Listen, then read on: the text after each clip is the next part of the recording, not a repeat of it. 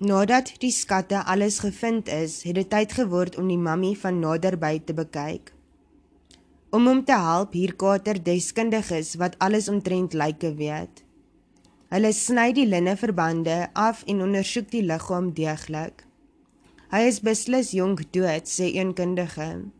Dalk so 18, 20, niks ouer nie. Maar hoe is hy dood? vra Kater. Hoekom is hy so jonk dood? Die deskundige skud sy kop. Ek kan regtig nie sê nie. Die mammie is nogal in 'n swak toestand. Ons sal seker nooit beslis weet nie. Met die ekstraal ondersoek blyk iets interessants. Binne in die skedel is twee klein stukkies gebreekte been. Dui dit daarop dat die jong koning vermoor is, dalk met 'n ewige hout teen die kop. Dis 'n prikkelende teorie, Latere argeoloë sou egter bewys dat hierdie stukkies tydens die balseming gebreek het. Kater se groot taak nader uiteindelik sy voltooiing. Dit het 10 lang jare geneem om die graf uit te sorteer. Hy het 'n fantastiese taak verrig, maar voel nogtans vreemd, moeg en verydel. In 1932 seil hy uitgeput terug Engeland toe. Hy het die graf gevind en dit het hom ryk en beroemd gemaak, maar dit was 'n veelste groot taak vir net een mens. Slegs 7 jaar later in 1939 is hy oorlede. Dis goeie nuus aangesien Egipte nou 'n magnifieke versameling skatte het om vir die wêreld te kan wys.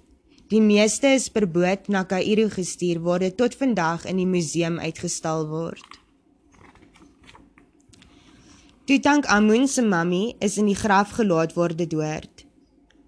Indien jy vandag die vallei van die konings oor kan die stad Luxor langs die Nylrivier besoek, kan jy by die grafkelder inloer en die buitenste kus sien waarin die koning steeds lê.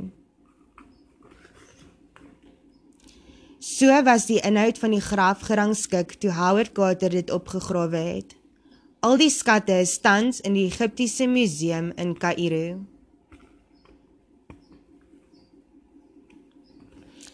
'n praalkas van vier enorme goudbedekte omhulsels wat in mekaar pas en oral oor met prente en hieroglife versier was, het die grafkelder vol gestaan. Die klip doodskus met Tutankhamun se lijk was reg in die middel. 'n Magnifieke standbeeld van Anubis, die god van die dood, het die ingang na die skatkamer bewaak.